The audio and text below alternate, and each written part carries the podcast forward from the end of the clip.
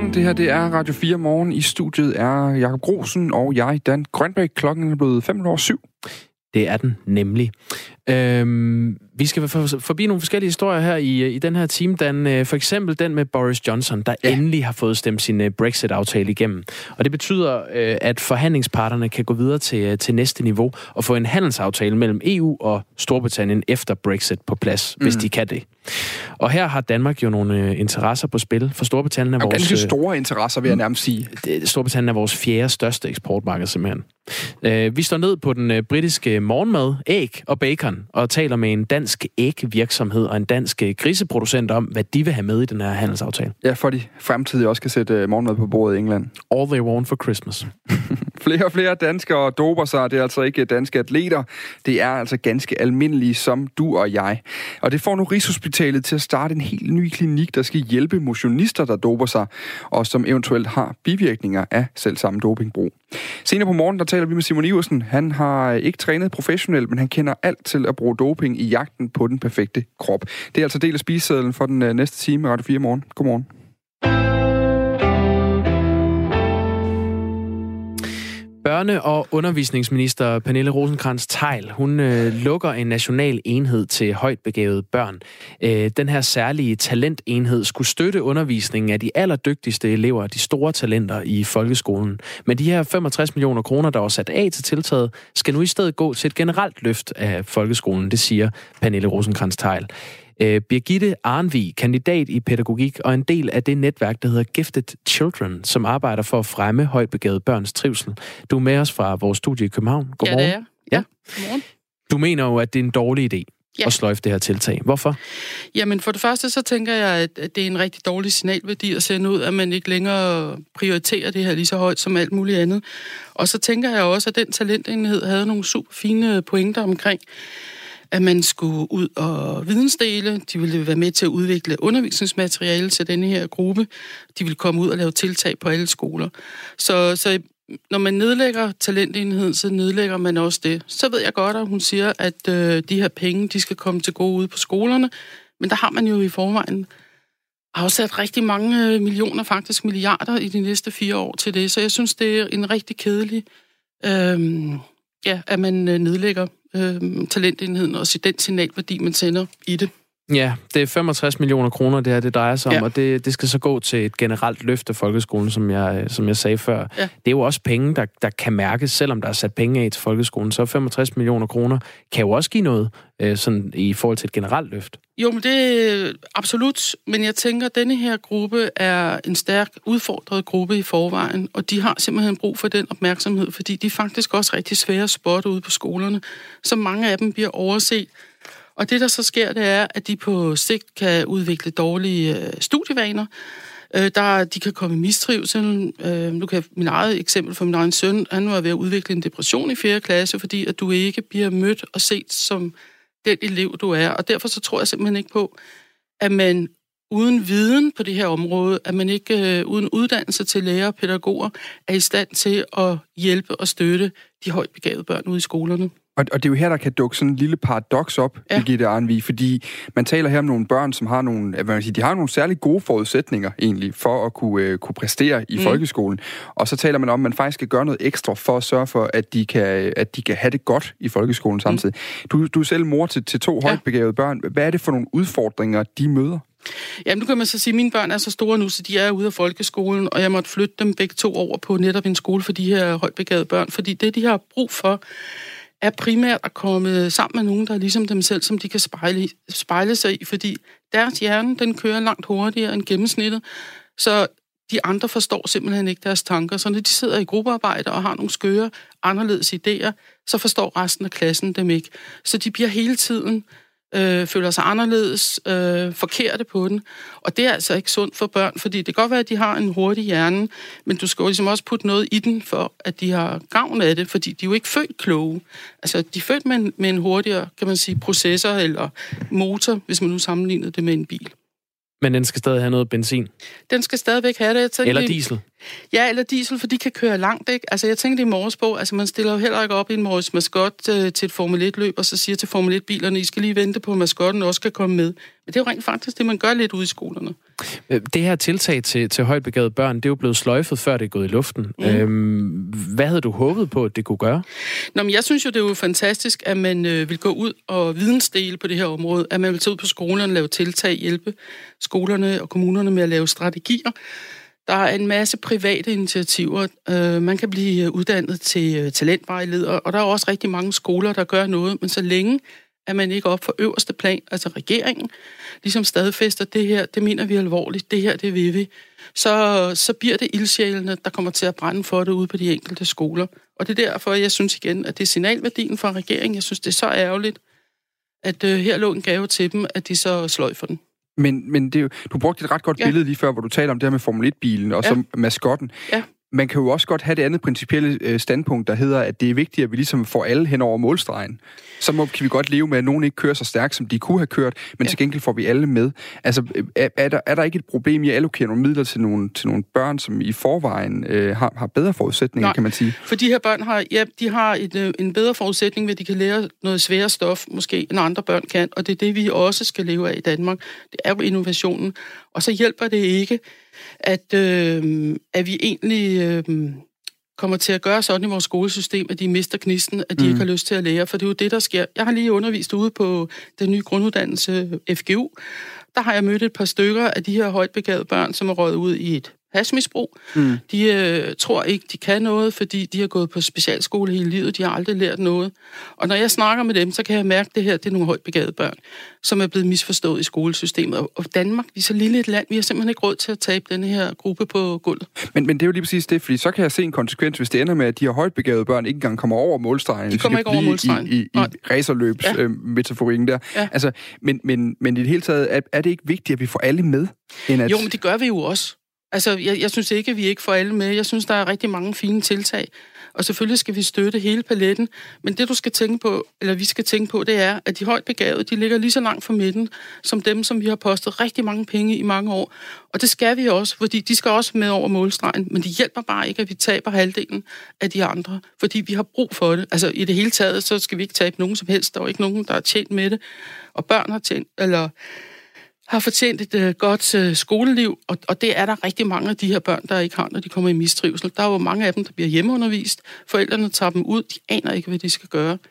Og jeg ved, at der starter, øh, eller åbner to nye skoler efter sommerferien, og det er jo simpelthen fordi, for de her børn, og det er jo fordi, der er et behov for det, og skolerne ikke er dygtige nok til at ramme dem.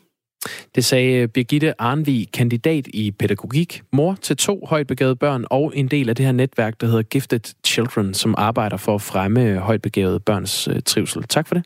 Selv tak.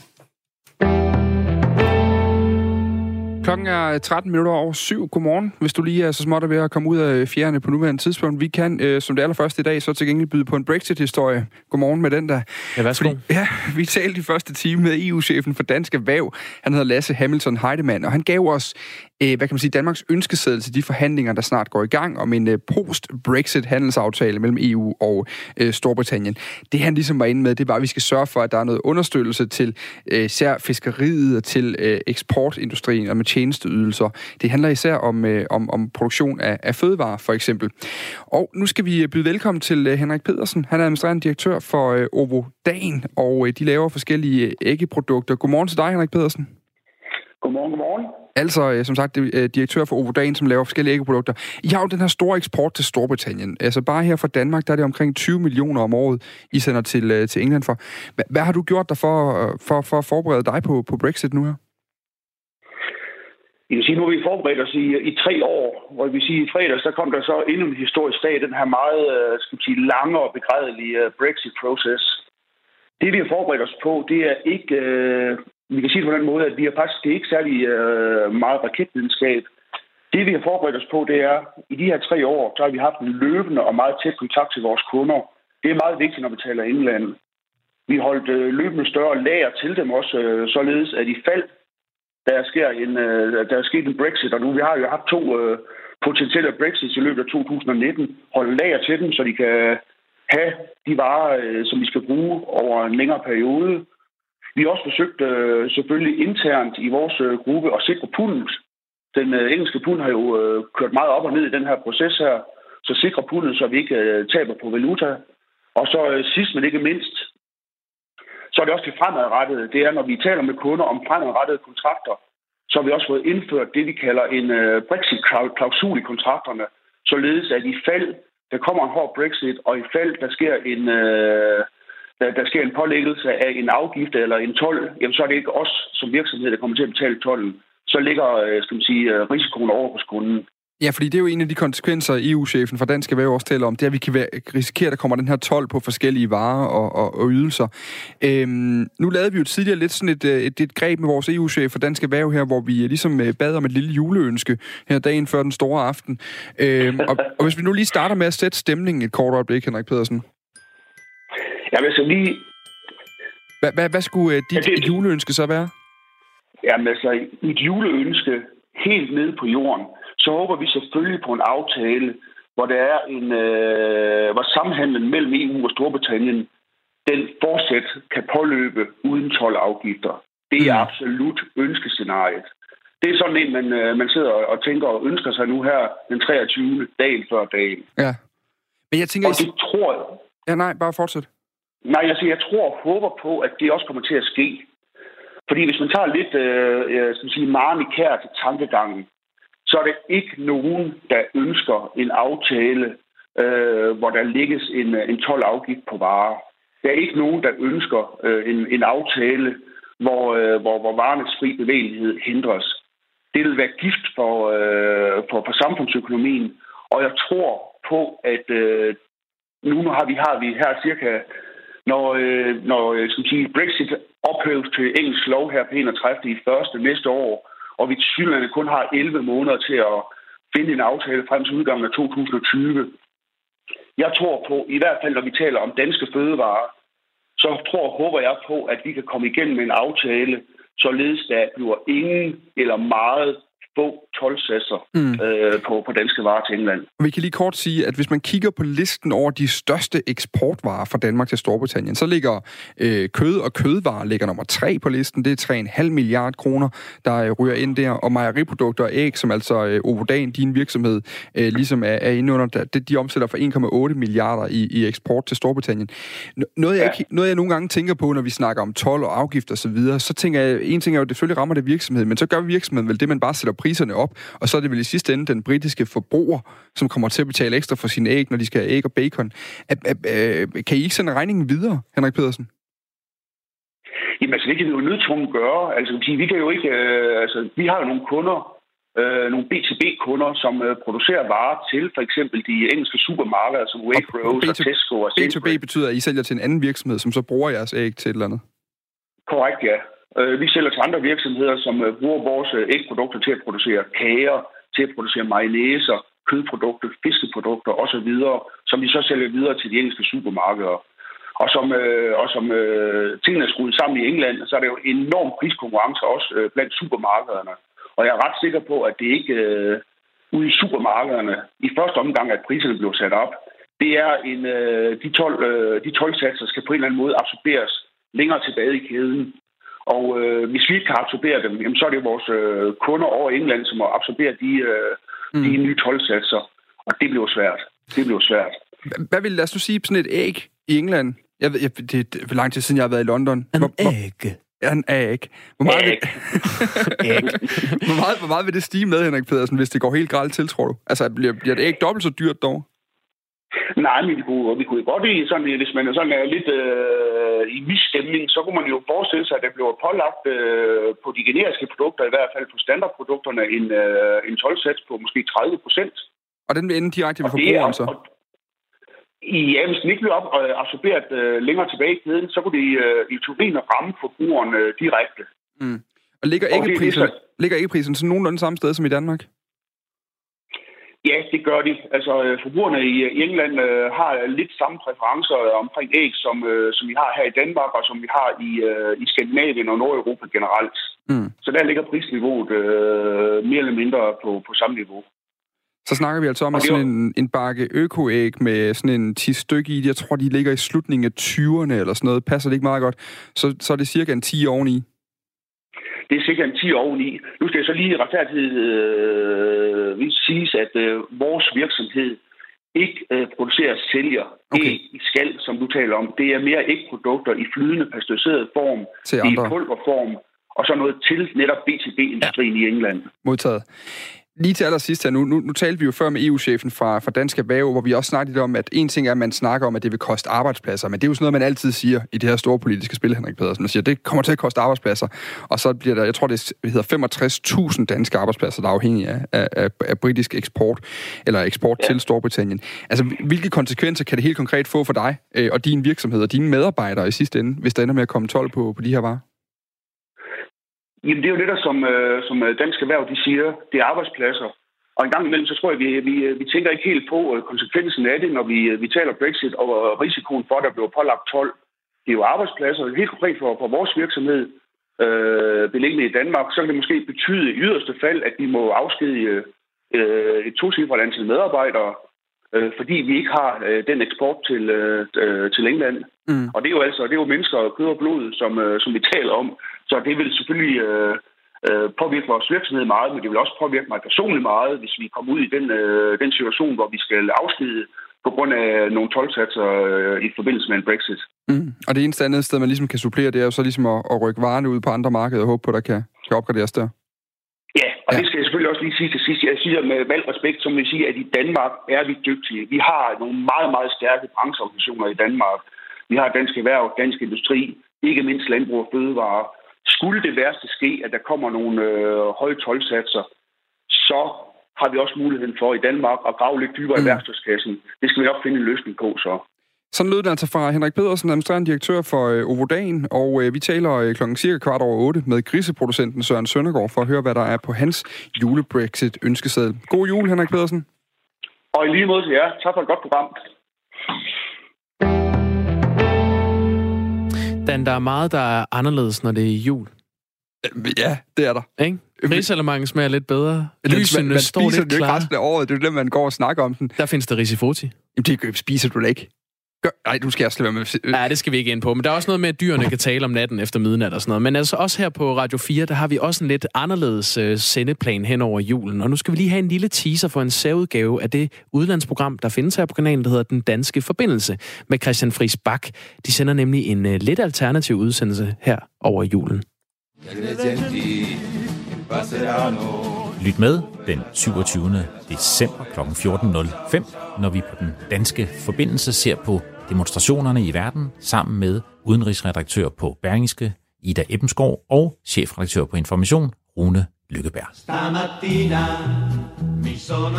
Vi har set på demonstrationerne i Bolivia, i Chile, Colombia. Nu sidder jeg jo sammen med dig, og Rune Lykkeberg. Jeg er sikker på, at du lige om lidt vil mene rigtig meget om ulighed her i verden, ikke? Hvad er det for nogle underliggende kræfter, der ligger bag? Jamen, hmm, jeg, synes, det, jeg synes, det er et godt spørgsmål. Jeg har heldigvis svaret. Når du får det en lille smule bedre, så får du lige hovedet op og siger, at det her vil jeg ikke finde mig i. Og på den måde er jeg ikke i tvivl om, at de hænger sammen. Jeg ved sgu ikke, om det er mig, der er ved at blive gammel og kynisk, vel, men øh, jeg tror, man skal tage højde for, at vi både ser og hører en rigtig stor dosis af sådan god gammeldags revolutionsromantik. Fuck mand, dem i Libanon vil ikke finde sig i det længere. Vi sidder i Iran, vi vil heller ikke finde os i det. Men, men noget andet er så, hvis uligheden bliver uretfærdig. Øh, og derfor har mange også i demonstrationerne nævnt korruptionen. En hver revolution har jo selvfølgelig øh, frihed til at vælge sine helte og sine ikoner. Og, altså, tillykke med det. Jeg tror ikke, man skal lægge så meget mere i det. det. Altså, al politik er jo lokalpolitik. Jeg, jeg synes altid, det program burde sendes med den underlægning. Det er jeg fuldstændig enig i. Christian Friis Bak er kun bedre med sådan lidt umpa under sig. Lidt øh, Bella Ciao. Ja, ja, lige præcis. Ja, tak. Ja. Nu skal vi til en helt anden historie, Dan. Øh, for fem år siden, midt i øh, juletravlheden, der kom en lille pige til verden. En fødsel som så mange andre, men kun 10 minutter gammel stoppede hun med at øh, trække vejret, og verden gik i stå for hendes forældre. Hvordan reagerer man på det? Øh, hvilke tanker far igennem hovedet, når man frygter, øh, det man frygter mest, det, det er ved at ske. Det handler den her uges øh, Radio 4 reportage Sange for Ida om. Og her fortæller Idas mor, Lise Dres, om den nat, hun aldrig glemmer.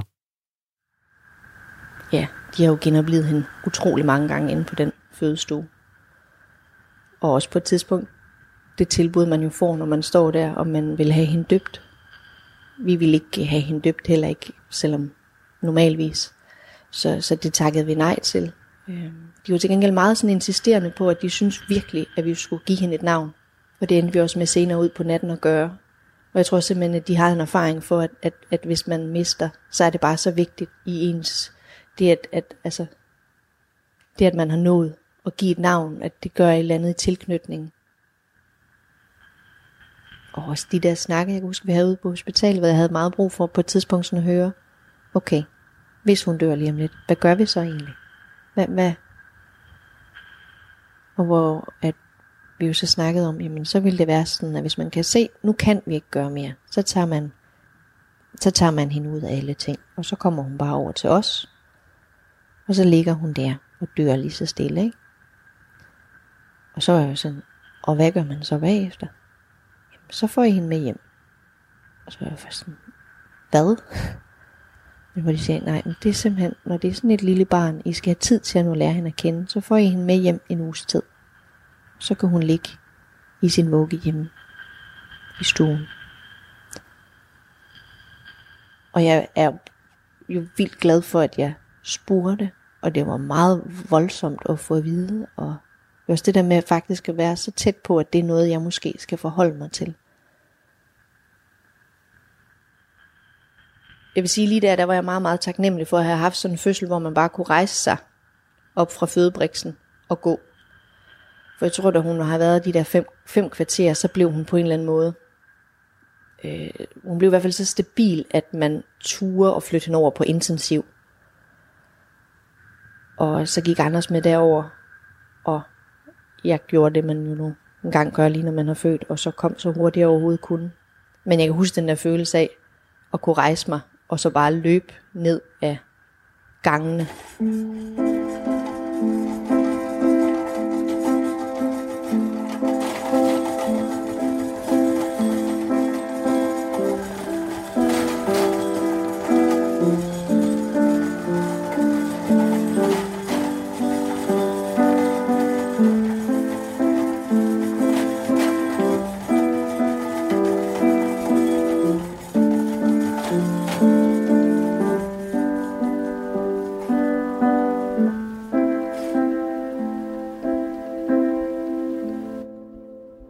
Og så kom vi over på børneintensiv, som det var ikke, altså, det var en verden, jeg ikke anede eksisterede. Jeg har aldrig hørt om den, eller kendt, kendt nogen, der på den måde havde været der.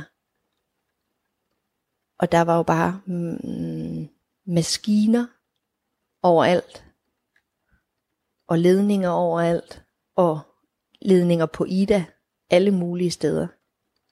Og på det her tidspunkt, der var hun stadigvæk sådan øh, lidt, lidt ved bevidsthed. Men hendes øjne, de kørte ligesom rundt i hovedet på hende.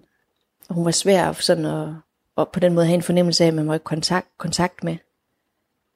Det der med at træde ind med sit lille barn, mm, hvor man jo normalt vis, tror jeg som forælder, er den, der ved bedst, men fornemmelsen af at komme ind i den her verden, hvor man må lægge det fulde ansvar for sig at sige, alt hvad jeg kan bidrage med her er kys og knus og kærlighed.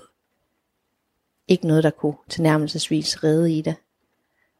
Men en fuldstændig sindssyg følelse at lægge sit nyfødte barn skæbne og liv i hænderne på nogle andre og håbe på, at de har styr på det, og at det er en dag, hvor de er på arbejde, hvor de gør sig umage, og hvor de gør deres bedste,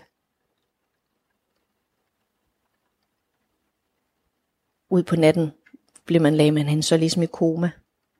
Øh.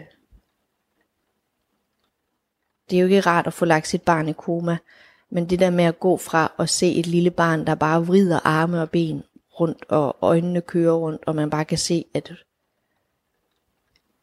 at hun virkelig har det dårligt, og er lige virkelig slippe slip på livet, til så ligesom at have et barn, der bare ligger fredfyldt og sover. Øhm, hun var stadigvæk meget, meget akut syg. Men jeg tror, altså, det gav sådan en lille, en lille ro eller til ligesom lige pludselig at kunne være i det på en anden måde, fordi det andet jo ligesom var at bare stå og holde hendes hånd, og ikke vide, om hun om et sekund vil forlade livet.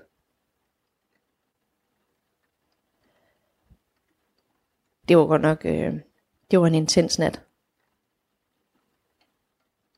Jeg kan huske, jeg sang, øh, den er egentlig for Ronja Røverdatter, og jeg har egentlig altid tænkt det som sådan en,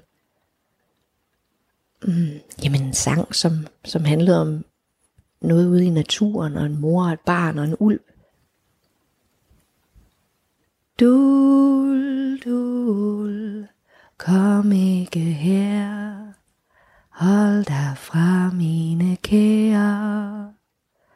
Dul, dul, kom ikke her, for barnet mit, for du aldrig.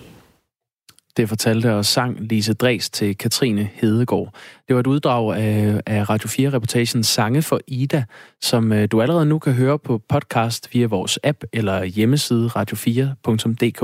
Vil du hellere høre den i din radio, så er det på lørdag den 28. december kl. 13.05. Lige nu kan du få en omgang nyheder, kan du. Henrik Møring, han er klar. Klokken er halv otte. Her er nyhederne på Radio 4. På ligestillingsområdet er vi på niveau med lande som Venezuela og Burundi. Det står alt for sløjt til, siger Nationalbankdirektør Lars Rode til Berlinske Business. Han taler blandt andet for, at en større andel af mænd skal tage mere barsel, og at kvindekvoter i eksempelvis bestyrelser kan blive nødvendigt. Lars Rode mener, det er fornuftigt, at Danmark og resten af EU-landene skal indføre to måneders øremærket barsel til mænd inden 2022, men han ser gerne, at Danmark går endnu længere. Bankdirektøren mener, at det er tankevækkende, at der er store virksomheder herhjemme, som har direktioner og bestyrelser, der stort set er klinisk renset for kvinder. Vi har først reel ligestilling, når der også er plads til dårlige kvindelige topchefer, siger Lars Rode til avisen. Antallet af au pairer rasler ned. Fra 2008 til 2010 indvandrede godt 2100 med en au pair-opholdstilladelse i hånden om året. Men efter en reform i 2015, som gjorde det dyrere at hente en au pair, er tallet dalet. I årets tre første kvartaler er der blot kommet 689, skriver politikken. Hele sidste år kom der godt 1000. De filippinske au pairer er genstand for hed debat, efter at integrationsminister Mathias Tesfaye har luftet muligheden for at afskaffe ordningen. Flere forsvarsadvokater retter kritik mod folketingsmedlemmer og partiledere for at underminere retsstaten, det skriver Berlinske. Kritikken går på, at politikere var for hurtige til at konkludere på sociale medier, at de anholdte i en landsdækkende politiaktion i forrige uge er skyldige i at forsøgte at begå terror i Danmark.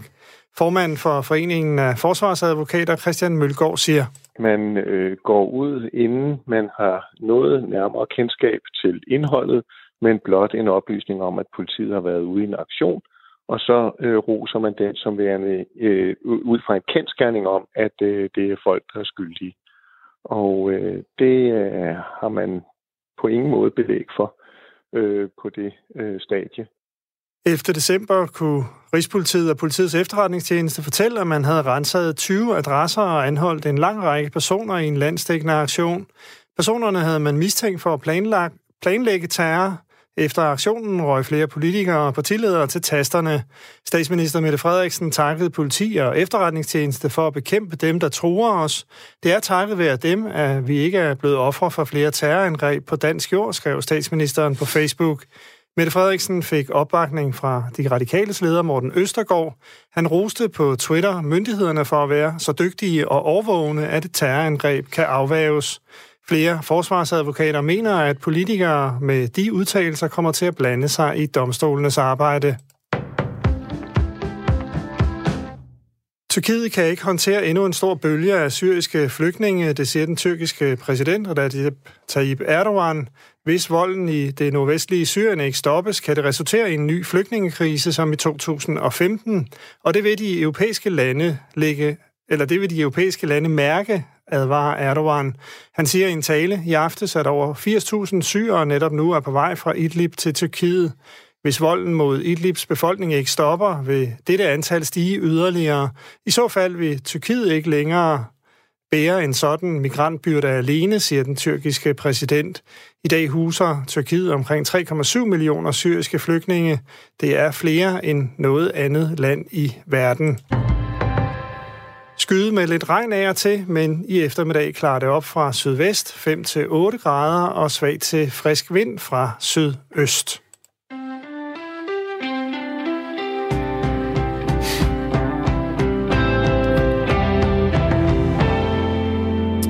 Du lytter til Radio 4 morgen på denne magiske lille juleaftens morgen. Henrik Møring står for nyhederne, Dan Grønbæk og Jacob Grosen står for øh, det andet. Gør det magisk. Resten. Ja. ja, lige præcis. Nå, tidligere på morgenen, der talte vi med Karoline Kistorp. Hun er professor inde på Rigshospitalet, og øh, hun er øh, leder af en ny klinik derinde, der skal hjælpe motionister, der bruger doping, og som øh, jo så har fået bivirkninger af de her øh, stoffer. For det er nemlig ikke kun de profes- professionelle, der bruger steroider og øh, doping. Det er altså også ganske almindelige motionister, som gerne vil se godt ud til sommer, eller som gerne vil køre ekstra hurtigt på cykel, som altså øh, sprøjter sig i musklerne blandt andet. Godmorgen, Simon Iversen. Godmorgen. Tidligere dopingbruger. Ja. Hvorfor gjorde du det? Jeg gjorde det, øh, fordi at... Øh, jeg gjorde det udelukkende, fordi at jeg havde en eller anden drøm om at blive stor at se på. Altså, jeg, jeg gjorde det for, øh, for at få store muskler, for, for at folk skulle få øje på mig. For eksempel, når jeg gik på gaden, eller var til et eller andet socialt arrangement, så kunne jeg godt lide ligesom at, at skille mig ud, og, og være noget ekstraordinært, og være noget lidt mere end bare gennemsnit, noget folk fik øje på. Mm. Jeg havde nok et andet behov for, for at blive set. Øh, og så også en eller anden barndomsdrøm om, øh, om at prøve det her med, med at få rigtig store muskler. For jeg vidste ikke, hvordan, hvordan fanden får man store muskler? Det ved man jo ikke, når man var sådan uh, 20 år og har levet et almindeligt liv. Men, så det var en rigtig spændende verden at komme ind i. Men, men det første, jeg ville gøre, hvis jeg rigtig gerne ville have store muskler, det var, at jeg ville begynde at løfte nogle rigtig tunge ting. Yes, det er også det, man gør. Hvordan, hvordan skred det for dig til, til der med at løfte tunge ting til lige pludselig at stå og stikke sig i armen? Mm. Eller ja, i, i, i røvballen, eller hvor man stikker ja, ja. Øh, ja, hvordan, hvordan kommer det dertil? Øh, jeg, var, jeg var godt klar over, at, at det forbillede, jeg havde, øh, det jeg drømte om, at det, det var ikke et, et naturligt look. Så jeg, øh, jeg meldte mig selvfølgelig ind i det her fitnesscenter, jeg, jeg boede på Amager, det gør jeg stadig. Jeg boede på Amager, der var de der øh, 21-22 år. Så det var rigtig nemt, øh, kan man så sige, at, at spotte de andre mennesker, øh, som også var store. Mm. Og så øh, prikke dem på, på skulderen, og så spørge, hvordan, øh, hvordan fanden bliver jeg så stor? Simon Iversen, må jeg ikke lige anholde dig på, på den her. Hvad, hvad siger du? Du bor på Amager, så derfor var det nemt at spotte de andre, der var så store. Hvad, hvad, ja. Kan du ikke uh, til vores lyttere i Lykstør fortælle, hvordan ser man ud på Amager? Jo, øh, på Amager, der er det sådan lidt, øh, der er det meget bredt skuldret, tatoveret øh, mand, man ser op til. Det var det dengang. Ting ændrer sig. Altså, Øh, og lige, lige omkring Amager, hovedstaden, Rødovre, øh, whatever, der, der er rigtig mange, der, mm. øh, der, der bærer det her look. Simon Iversen, fordi en ting er, at vi... Øh, jeg kunne godt tænke mig faktisk lige starte næste tråd i det her interview med. Fortryder du det? Du gør Nej. det ikke længere? Jeg fortryder det ikke. Hvorfor jeg ikke? gør det heller ikke længere. Ja, fordi at jeg jo kommet ud på den anden side, uden nogen men. Øh, øh, og jeg havde, jeg havde sgu en fed tid, det må jeg indrømme. Det var rigtig, rigtig fedt at få den opmærksomhed for, fra det modsatte køn, når man var til nogle fester, og, og den, det der selvtillid, og, den, og den her, det her med at opnå noget, man drømmer om, det er jo en, det er en vild følelse. Men hvordan er det at opnå noget, når du egentlig bare har snydt? Ja, det kan man godt det kan man sige.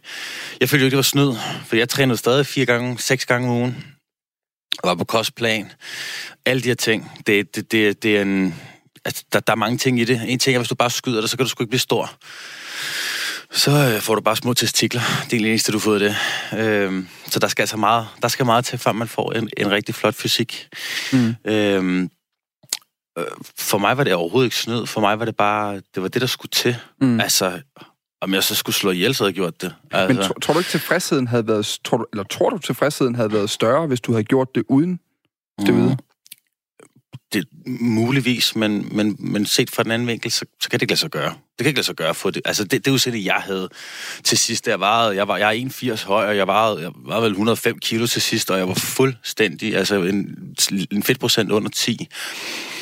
Det, det, det ville være fuldstændig umuligt at opnå uden. Mm. Altså. Simon Iversen, lad, lad os lige prøve at få, få tegnet et billede af, hvordan øh, du så ud, eller mm. måske endda stadig ser ud. Øh, Ja. Var det sådan et, øh, nu trækker jeg en 80'er-reference, men er det sådan Schwarzenegger-looket, eller hvor- hvordan? Prøv at beskrive, hvordan du så ud.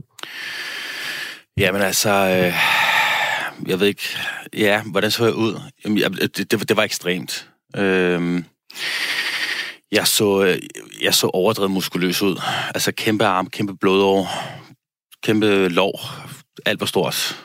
Øh, og øh, jamen altså, solbrun og masse tatoveringer. Så det var den boldgade, jeg lå i. Er, er det stadig et, et look, du, øh, du synes er, er beundringsværdigt, eller noget, du, du godt kunne tænke dig at have igen? Nej. Hvorfor ikke? Øh, jamen, det, ja, det er svært at sige lige hvorfor.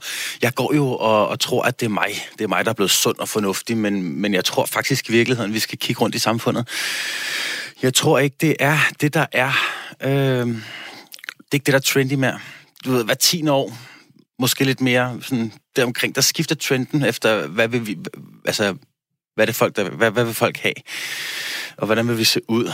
Og, øh, og, og trenden, den er skiftet nu øh, kan jeg se, når jeg render rundt ude på gadeplan, snakker med andre folk øh, og så videre. Øh, man, hvis man, nu er det ligesom om, det er sundhed, der ligesom er, det er det, der er ind. Man skal mm. se sund ud. Du, du skal se... Du, synes du ikke, du så sund ud dengang? Jo, for helvede, jeg synes, jeg så mega sund ud. Men det, Hvad det var er så forskellen på, på dengang sund og, og nu sund? Jamen, det, det, det er ikke sundt. Øh, det, nu sund og usund, ja. Jamen, jeg, jeg syntes dengang, at jeg så sund ud, da jeg var kæmpestor, ikke? Men jeg vidste jo godt, at jeg ikke var sund. Der var en grund til, at jeg gik til lægen en gang om året, og fik tjekket alle mine værdier, og jeg er det ene og det andet, ikke? Mm. Øh, og jeg, og jeg hele tiden holde øje med, sådan, du ved, hvordan har jeg det? Altså, mm. fordi jeg skulle holde øje med, at mit hjerte ikke voksede. Jeg skulle holde øje med, at mine organer ikke havde det hårdt. Og jeg skulle holde øje med, at min appetit ikke forsvandt. Jeg skulle holde øje med min sexlyst. Jeg skulle holde øje med mange ting hele tiden. Der var mange ting. Min, altså, min radar var ude hele tiden, fordi mm. jeg vidste godt, at det her, det er på lån tid. Øhm, nu er det sådan en rigtig sundhed, der er moderne, du ved. Det er Eller bare, med, bare faktisk virkelig sundhed. Det er virkelig sundhed, der er moderne ja. nu. Jeg, jeg kunne godt tænke mig lige at høre, fordi, fordi du sagde lidt før, at det har ikke rigtigt... Du har jo... Man kan godt sige, at du har været heldig. Altså, det har, du, er kommet, ja. du er stoppet, du har ikke haft konsekvenser som udgangspunkt af det nu. Men, mm. men, men, men, men hvis du alligevel skal tænke over det... Til DR har du jo snakket med om det her, mm. øh, hvor du blandt andet har sagt, øh, jeg, fylder mig, øh, jeg fylder mig med stoffer og hormoner, det er ikke mm. sundt, hverken helbredsmæssigt eller psykisk. Og pludselig tænker jeg så, det er ikke det værd. Ja. Min sædkvalitet er helt sikkert i bund. Der er en grund til, at jeg ikke har nogen børn. Det er ikke, ja. fordi jeg ikke har haft sex, skulle jeg hilse at sige. Det er, det er ikke så blad, jeg udtaler mig til det, om det der. Okay, jeg studerer på mit... Men, men hvad, det er helt rigtigt. Hvad, hvad, hvad, hvordan tænker du, hvad, hvad tænker du i dag, hvis du skal sidde... Nu, du er ret reflekteret omkring, hvad det er, du har lavet her. Ja. Hvad, hvad har det haft af konsekvenser for dig i dag? Åh, det ved jeg, Jamen, det var en, altså, det, jeg tog steder sådan omkring, jeg tror det var omkring syv år, jeg har regnet mig frem til. Mm. Øh, de konsekvenser, det har haft for mig, har været... Øh, altså, for det første, det, det fucker med din hjerne. Det gør det. Det vil man nok ikke indse til at starte med, men øh, lige pludselig så opdager man, at man er inde på sådan en helt galt spor. Du bliver meget egocentreret. Eller jeg kan jo jeg kan kun snakke for mig selv. Jeg blev meget egocentreret. Jeg var min kæreste utro, øh, og jeg var det ene og det andet, og jeg mente selv, at jeg var King Kong, og, og det er egentlig rigtig rart at slippe for. Lige præcis den, det, jeg havde sgu nok glemt, hvordan det var ikke at være på steder. Så da jeg øh, her januar sidste år, eller i år undskyld, januar 2019 her, lagde det på hylden, øh, og så gik der jo lige et par måneder, hvor det er en egen testosteronproduktion, det ligesom, den skal lige spare, den skal boostes i gang igen. Så det er sådan lidt et forløb at komme ud af det, ikke? Mm. Øh, men da jeg ligesom var kommet ud af det, og var begyndt at få min egen krop op og køre igen og så videre, så var det faktisk en rigtig rart at komme ned på jorden. Ikke hele tiden gå og kigge sig spejl, hele tiden være sådan fokuseret på, hvordan ser jeg ud? Øh, ej, er jeg ved at tabe mig?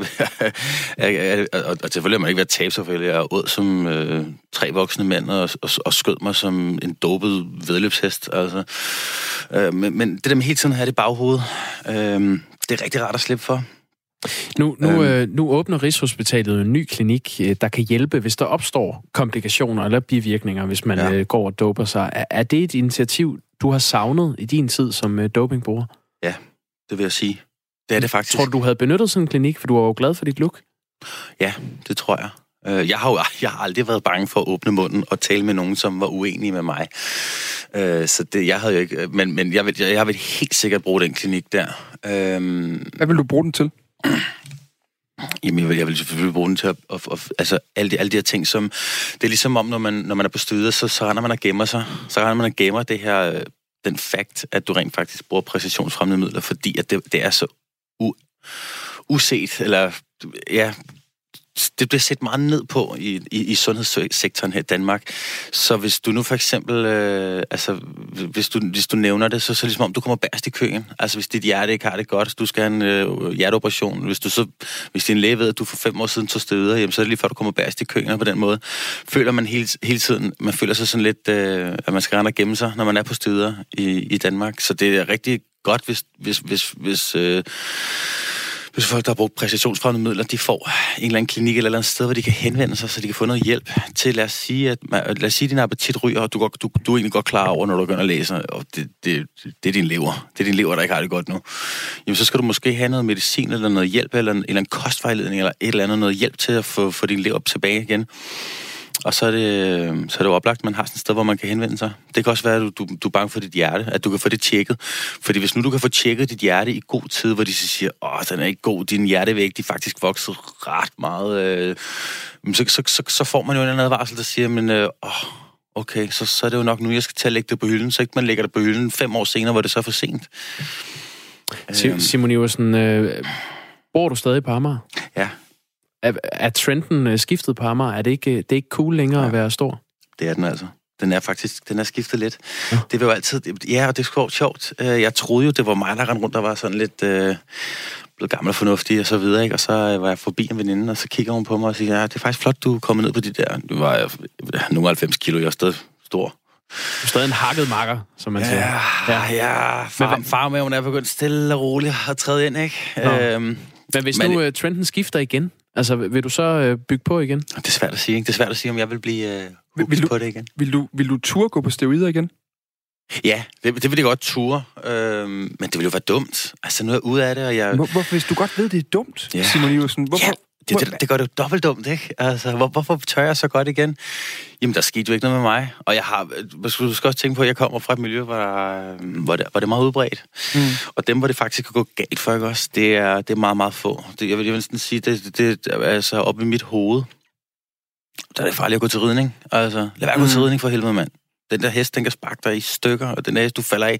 Jeg, har, jeg bor et sted, hvor der er rigtig mange heste. Jeg har da set, altså på de sidste fem år, har jeg set 10 ambulancer. Jeg har sgu ikke set 10 mennesker på Amager, der er blevet hentet af en ambulance på grund af stedet, vel?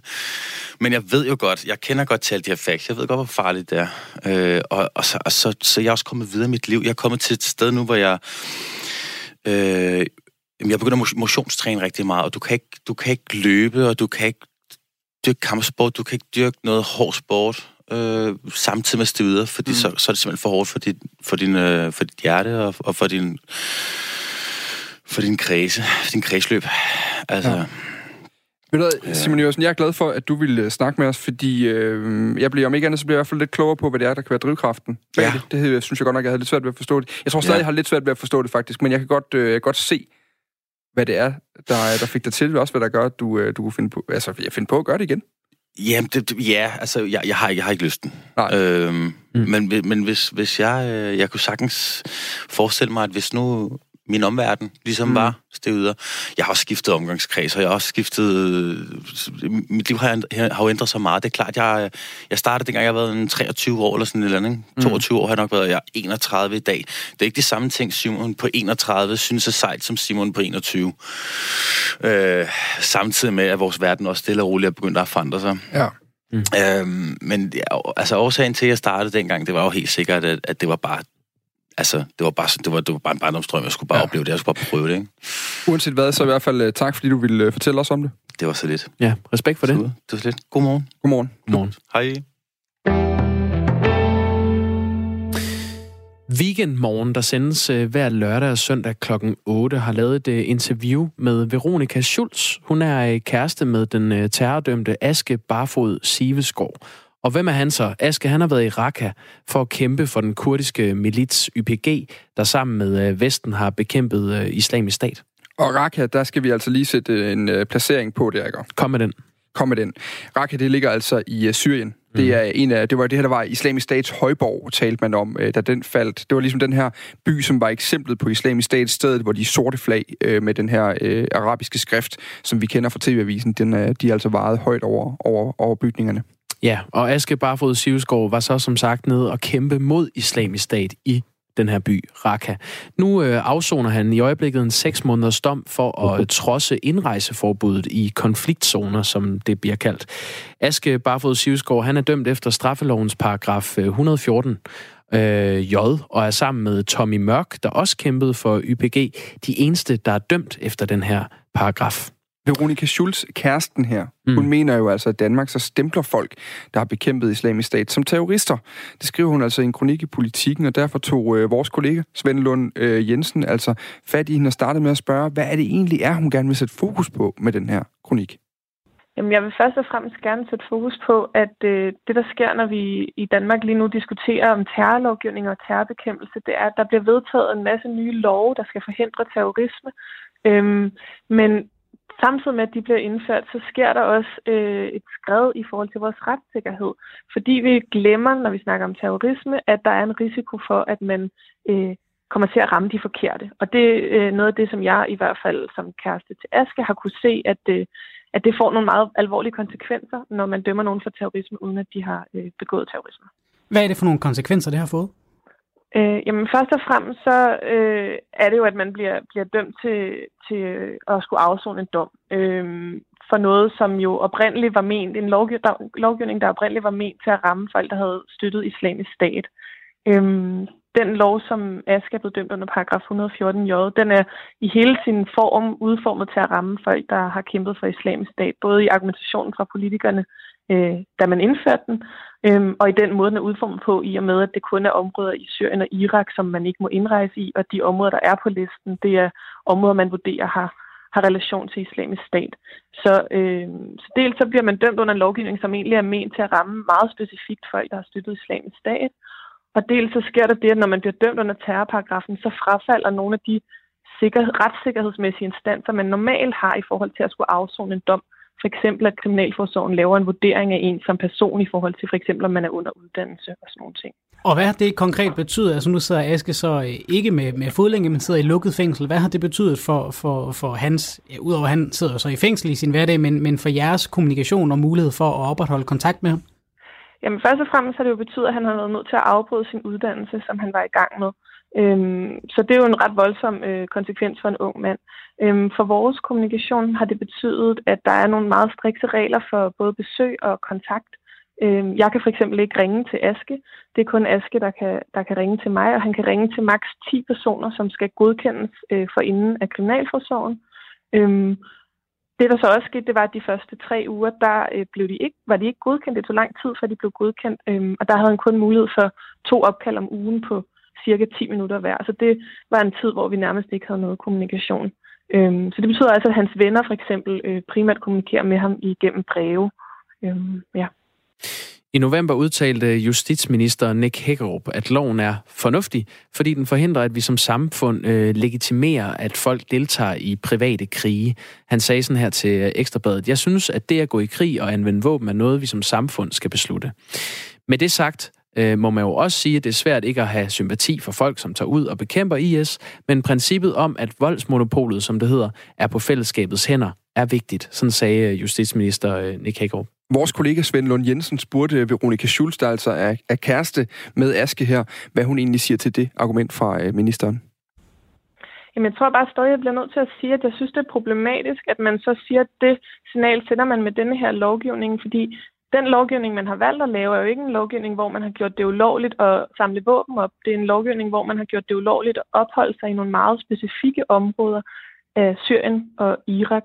Og det er også derfor, at øh, Tænketanken Justitia kritiserede øh, den her implementering af lovgivningen, øh, dengang den blev implementeret i 2014, fordi en overimplementering af en FN-resolution, der havde til formål specifikt at ramme foreign terrorist fighters, altså folk, der kæmpede som terrorister for islamisk stat, Øhm, og fordi at det øh, er en, en begrænsning af vores bevægelsesfrihed som dansker. Så hvis man vil lave den anden lov, så synes jeg, at man skulle lave en, øh, en konkret lovgivning om det, og så skal vi have en diskussion omkring det. Men denne her lov er udformet som øh, et indrejseforbud i specifikke områder, ikke som, som en lov imod øh, selve det at deltage i, i, øh, i kamphandlinger. Er du uenig i, at Ask skulle have en straf? Ja, det mener jeg ikke, han burde. Afsonen, altså, afsoningen, som det hedder, er altså også noget, øh, Veronika Schulz hun er øh, kritisk overfor. Kriminalforsorgen har øh, til Radio 4 skrevet en mail, at En dom for terror som udgangspunkt betyder, at man kommer i lukket fængsel og vil have et særligt sikkerhedsmæssigt fokus fra Kriminalforsorgen. Det betyder blandt andet, at det ikke har været muligt for Aske Barfod Sivesgaard at få en samtale med Kriminalforsorgen for at vurdere ham i forhold til resocialisering og, og afsoning. Det har heller ikke været muligt for Aske at afzone med fodlænke, som man ellers har mulighed for, ved at, når man får en dom op til 6 måneder, og han har derfor øh, droppet ud af sin uddannelse. Og lige præcis den her paragraf 114j, den kan altså blive et vigtigt redskab, når IS-krigerne begynder at vende tilbage til Danmark. For bevisbyrden, den kan være enormt svær at løfte i forhold til andre overtrædelser af terrorloven, mens 114j er nemmere at bevisføre. Straframmen på den er op til 6 år, og Aske Barfod Siveskov, ham her Tommy Mørk, som har øh, været i samme konflikt og på samme side, er begge idømt 6 måneders fængsel.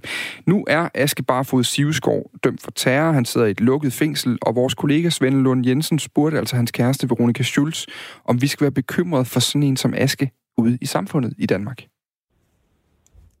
Nej, det mener jeg virkelig ikke. Øhm, og det er også derfor, jeg synes, det er problematisk med den her øhm, sag og den her øh, terrorlovgivning, som er udformet sådan, så den rammer folk, fordi det kommer til også at iscenesætte de her mennesker, som har været sted som radikaliseret.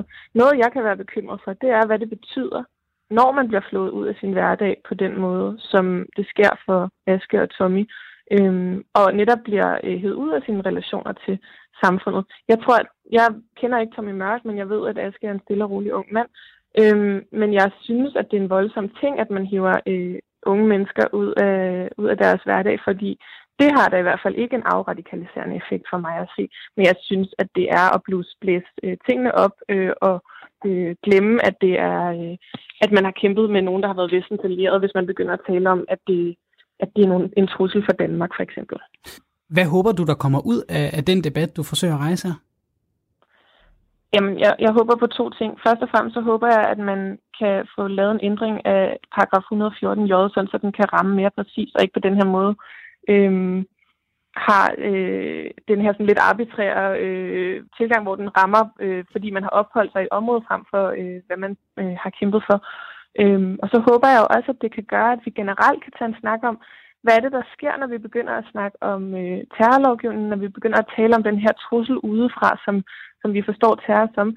Der er nogle risici ved den debat, vi har lige nu, hvor vi indfører en masse restriktioner, en masse øh, rettigheder til øh, ministerne og til, øh, Øh, og til øh, politiet, som ikke nødvendigvis sikrer borgernes øh, retssikkerhed. Og jeg synes, det er en meget, vigt, en meget vigtig aspekt at have med, når vi snakker om terrorbekæmpelse, fordi selvfølgelig er det en vigtig ting, men hvis det går ud over øh, den enkelte borgers retssikkerhed, så begynder det at blive øh, et stort demokratisk problem. Øh, så synes jeg også, at man skal øh, overveje, om det giver mening at, øh, at dømme folk for under terrorlovgivning, altså stemple dem som terrorister, når det ikke er det, de har øh, begået. Det er sådan set også det, jeg håber, man kan få ud af det her. Vi bliver nødt til at tale om, hvilke konsekvenser det har, når folk bliver øh, stemplet som terrorister, uden at de har, har begået terror. Det er jo en meget alvorlig ting, øh, og det har meget store konsekvenser, dels for ens videre forløb i retssystemet, men jo også i det hele taget. Nu kan du se, at du spørger mig omkring, om vi skal være bekymrede eller bange for, for sådan nogen som Aske og Tommy i Danmark. Og det er jo allerede en stigmatisering, der finder sted. Alene fordi, at man lovgivningsmæssigt klassificerer det, de har gjort som terror, selvom det egentlig ikke er det. Øhm, og det jeg også gerne understrege er jo også, at altså, det, som er det forkerte, er jo, at den, ram, den eneste, de eneste, den har ramt den her lovgivning, det er Tommy og Aske selvom den er lavet til at, øh, at ramme folk, der har støttet islamisk stat, så er der kun to mennesker, der er dømt for paragraf 114 j indtil videre i Danmark. Og det er Tommy og Aske, og ingen af dem har kæmpet for islamisk stat. Det siger Veronika Schulz, som altså er kærester med øh, Aske Barfod øh, Sivesgaard, som er, er blevet dømt her. Svend Lund Jensen, øh, vært på Weekendmorgen, spurgte Veronika Schulz, øh, hvordan det går med hendes generelle tillid til det danske retssystem. Jamen, min mistillid til, eller min tillid til det danske retssystem og fængselssystem er blevet udfordret. Altså, jeg vil sige, der er sådan noget en mistillid ind i forhold til, øh, Øh, hvordan, man, øh, hvordan man dels lovgiver, og, og også hvordan man øh, vurderer, hvordan folk skal afzone. Altså, jeg er bekymret for, hvem der ellers måtte komme i klemme med de øh, andre lovtiltag, der er sket øh, de sidste par måneder og de sidste par år, øh, når det kommer til terrorlovgivningen især.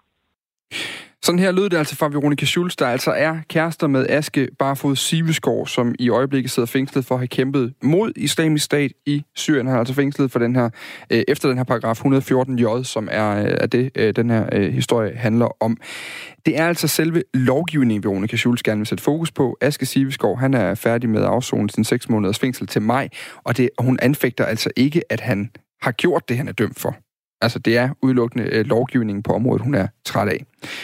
Og øh, på den måde så kommer vi hen til øh, klokken 8. Vi skal have en øh, omgang nyheder fra Henrik Møring. På den anden side af klokken 8, der skal vi blandt andet snakke om dart. Så bliver vi lige pludselig tre morgenværter i studiet, for der kommer Kasper Harbo en tur på besøg og giver os en lille smule nyt om hende her Fallon Sherrock, som er altså revolutioneret dartverdenen. Yes. Nu er klokken